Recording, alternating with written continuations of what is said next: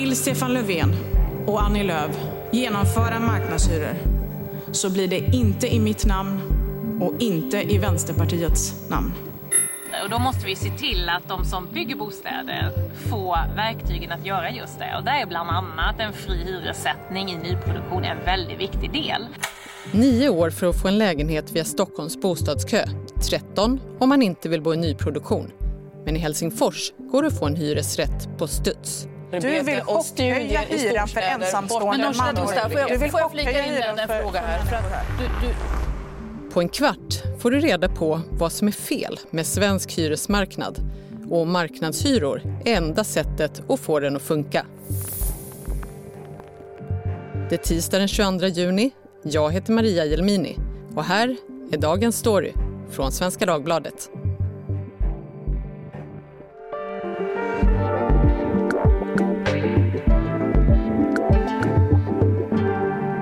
Mattias Magnusson, du är reporter på SvD Näringsliv och du har bland annat fördjupat dig en del i den svenska hyresrättsmarknaden.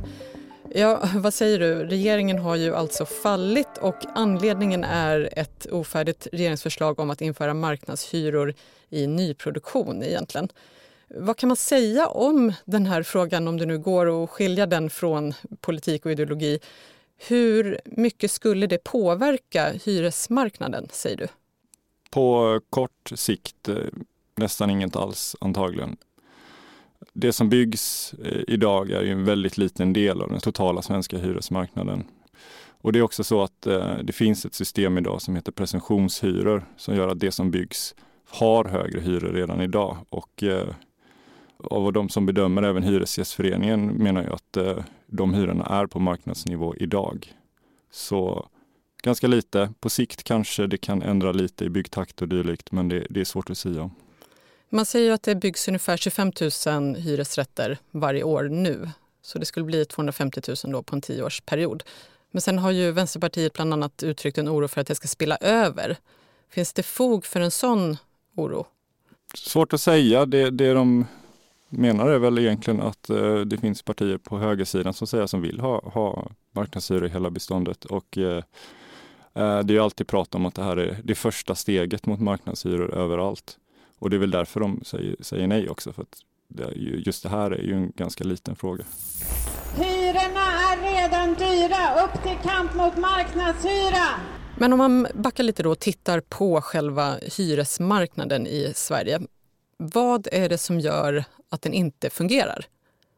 Och det som inte fungerar här då är väl, tror jag, för många människor är ju att det inte går att få en hyresrätt eh, när du behöver en hyresrätt. Du måste ha stått i kö otroligt länge i stora delar av landet. Och eh, det är inget konstigt att det är så.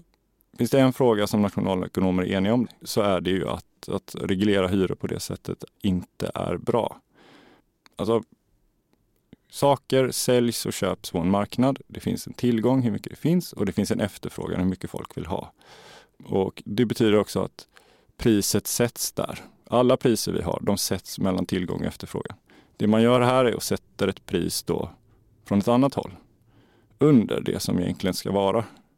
Och då uppstår det ett antal saker. Det uppstår köer, det uppstår brist, det uppstår svarta marknader när man köper och säljer till ett annat pris någon annanstans. I hyresmarknadens fall blir det då att man köper och säljer kontrakt.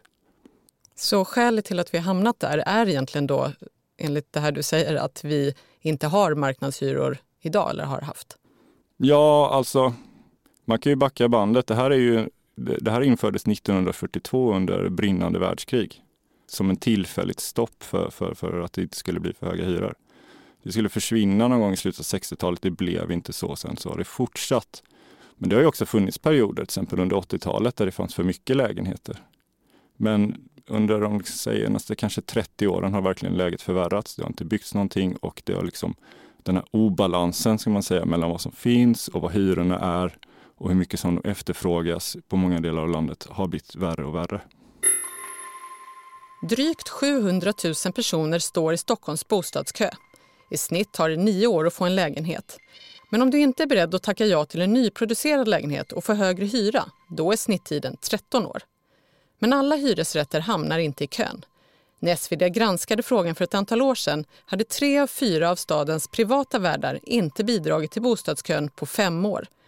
Dessutom hyran för de lägenheter som förmedlas via bostadsförmedlingen i snitt 32 procent högre än snittet för alla stadens hyresrätter. Varför ska man städa? Vi har våra lägenheter till låns och det är stora värden vi har hand om. En sån här lägenhet i ett nybyggt hus är värd omkring 40 000 kronor. Om man då tittar på argumenten för att införa marknadshyror och då i ett första steg i alla fall eh, på nybyggnation är ju då att det skulle leda till mer byggande av hyresrätter. Skulle det få den effekten tror du? Möjligtvis, men det är ju inte den, det är ju inte den stora grejen. är ju inte det. Det är ju att skulle du släppa det helt fritt idag, det skulle ju vara ödesdigert för många hyresgäster, absolut. Men det som skulle effekten skulle ju bli att du får en stor rörelse i det befintliga beståndet att folk som sitter på hyreskontrakt, de kanske inte riktigt behöver och hyr ut i efter, andra hand eller att de använder det som övernattningslägenheter eller att de har något rum för mycket som de inte använder. Det finns massa varianter. Det skulle skapa en ganska stor rörelse på marknaden. Och det är ju den stora delen, lägenheterna som finns redan idag, inte de enstaka procenten eller halvprocenten av beståndet som byggs varje år. Du har ju tittat eh, på och jämfört till exempel Malmö och Stockholm och då var just det här en sån sak som, som ni såg att rörelsen är så, så mycket lägre. Det förmedlas så många färre kontrakt i Stockholm än i Malmö. Vad är skälet till det? Ja, det blir ju inte det blir ju inte rationellt och vettigt att ge upp ett hyreskontrakt.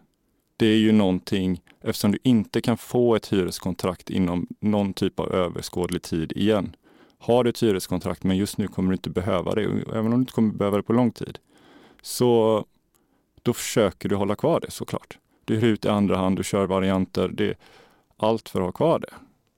Om man tittar på andra länder, våra grannländer till exempel, då, hur, hur ser det ut där med marknaden generellt? Ja, det finns ju lite olika varianter. Du har en du har den tudelade varianten i Danmark där de har höga hyror nyproducerat och så har de stora delar av beståndet med låga hyror.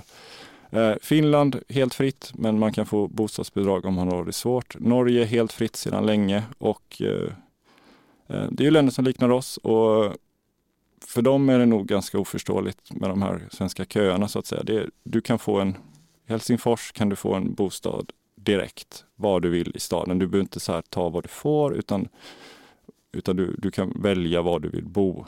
I Finland sa man samma sak och det tog fyra år.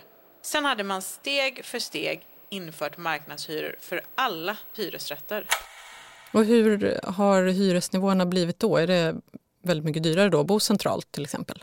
Eller ja. i nybyggt? Ja, ja, absolut. Jag har tittat runt lite på det där och eh, det, det, är dyrare att bo i Helsingfors. Eh, men man kan ju få en bostad. Det är väl det som är avvägningen så att säga. Men jo, där påverkar ju läget. Och om man då ser de marknaderna som kanske bättre fungerande än den svenska, vad skulle du säga är skälet? Är det just att man då har marknadshyror eller har det varit eh, ett högre byggande? Mm. Alltså, man säger så här, en marknad kommer alltid fungera om du har fri prissättning. Det, det, kommer alltid fungera. Det kommer alltid finnas tillgängliga lägenheter. Det finns inga möjligheter att det inte finns tillgängliga lägenheter. Utan det kommer alltid kunna gå att få en lägenhet. Men har du väldigt lite lägenheter och väldigt stor efterfrågan så kommer givetvis priset bli väldigt högt, alltså hyran blir väldigt hög. Har du däremot väldigt mycket tillgängliga lägenheter och inte så hög efterfrågan, då kommer ju också hyran bli väldigt låg. Men det kommer ju alltid gå att hitta lägenheter på en sådan marknad. Om man då tittar på de incitament eller politik som, som finns till hands, finns det andra sätt att få hyresmarknaden i Sverige att fungera bättre? Än marknadshyror? Ja. Eh, nej, vi kan ju bygga, bygga, bygga, bygga, bygga såklart. Och det gjorde vi en gång. Och då byggde vi väldigt mycket på en del ställen där det visade sig att det kanske inte kändes så attraktivt. Mycket som byggs, byggs, byggs, byggs just nu byggs ännu längre bort från de attraktiva delarna av stan. Och eh, ja, det är klart vi kan köra cementblandarna så att säga, men vi kan också vara att vi bygger upp stora, stora bestånd väldigt långt från stan som inte riktigt är något någon vill ha egentligen, utan att det är något systemet gör åt oss. HSB, det är den stora bostadsbehövande svenska allmänheten själv som tagit bostadsbyggandet i egna händer och åstadkommit högst beaktansvärda resultat, sa kronprinsen inledningsvis.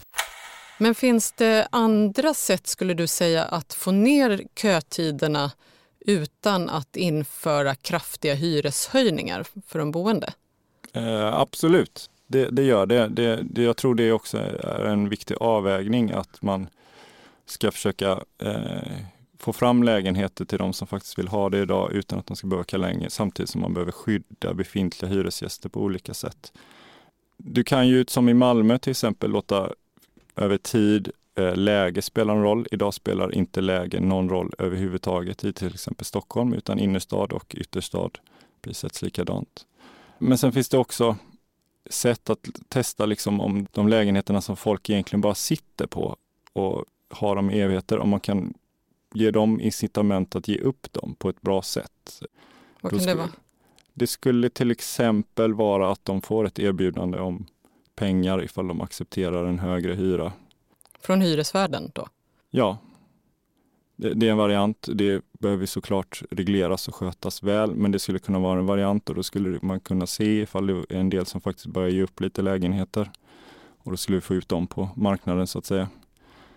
Det finns lite andra varianter, men det, det kanske är en avvägning att vad som skulle gå absolut snabbast för att få ner köerna, det är ju bara marknadshyror rakt över hela linjen. Då skulle köerna försvinna. Sen skulle det vara många som liksom skulle ha svårt att hitta något och det skulle ta lite tid, men det, det skulle gå snabbast. Eller så kan man försöka ta lite stegvis steg för att få ner köerna. Men det, det tror jag är en del som kan, just kötiden är kanske något som inte riktigt diskuteras i politiken, fast det kanske är det största problemet vi har på den svenska hyresmarknaden. Om man tittar på mm, priserna på bostadsrätter och villor i Sverige och hur kraftigt de har stigit eh, länge nu. Är det någonting som hänger ihop med att hyresmarknaden funkar dåligt? Ja, vissa delar av det tror jag absolut det gör. Eh, nu, har, nu har husen dragit, men tidigare hade vi otroliga prisökningar på till exempel ettor. Och då handlar det ju om att det, det, är helt enkelt så väldigt många ungdomar, de har ingen annan möjlighet att få ett tak över huvudet som är deras egna och inte i andra hand än att köpa.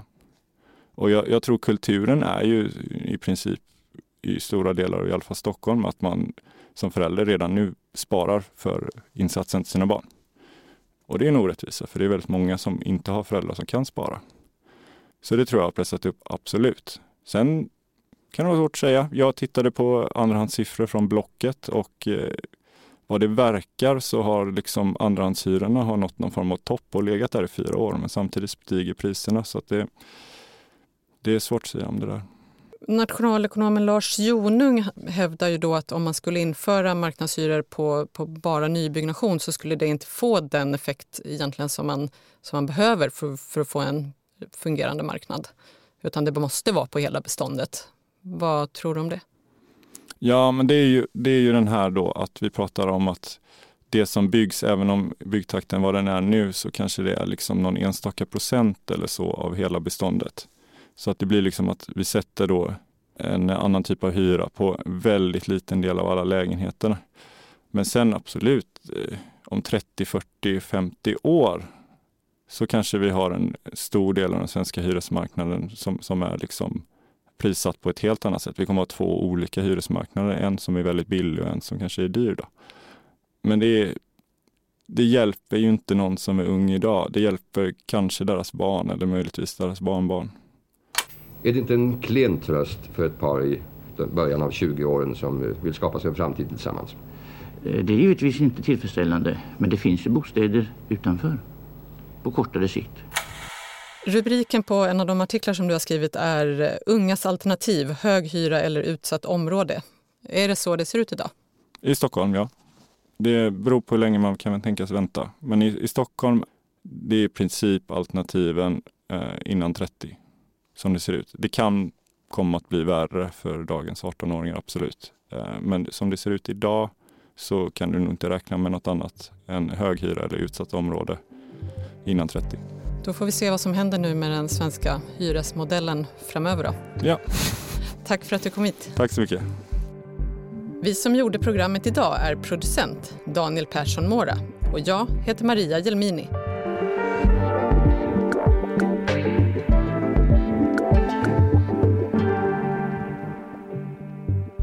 Du har lyssnat på Dagens Story från Svenska Dagbladet.